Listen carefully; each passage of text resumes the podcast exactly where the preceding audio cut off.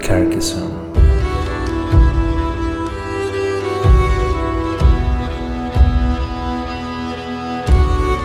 Mi nombre es Joaquín y esto es Meeple Podcast.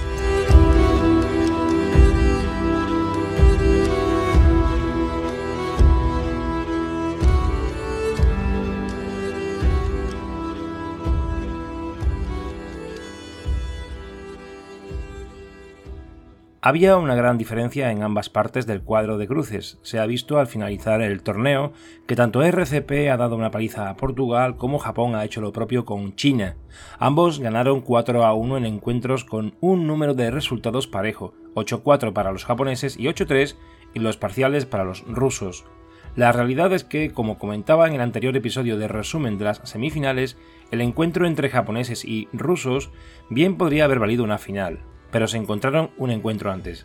Por tanto, el cuadro de honor queda configurado con Japón como campeón único en esta competición y por tercer año consecutivo, seguido de China que arrebata el subcampeonato a los rusos, que estos consiguieron ante los japoneses en las dos ediciones precedentes, seguidos de rusos, terceros en esta ocasión, y de Portugal, que también quedó quinta en la primera edición. El único jugador chino que ganó a uno japonés fue Mitaokat ante Momo Traps por 2 a 0, y el único jugador portugués que ganó frente a uno ruso fue Globir frente a Bebe Costa, también por 2 a 0.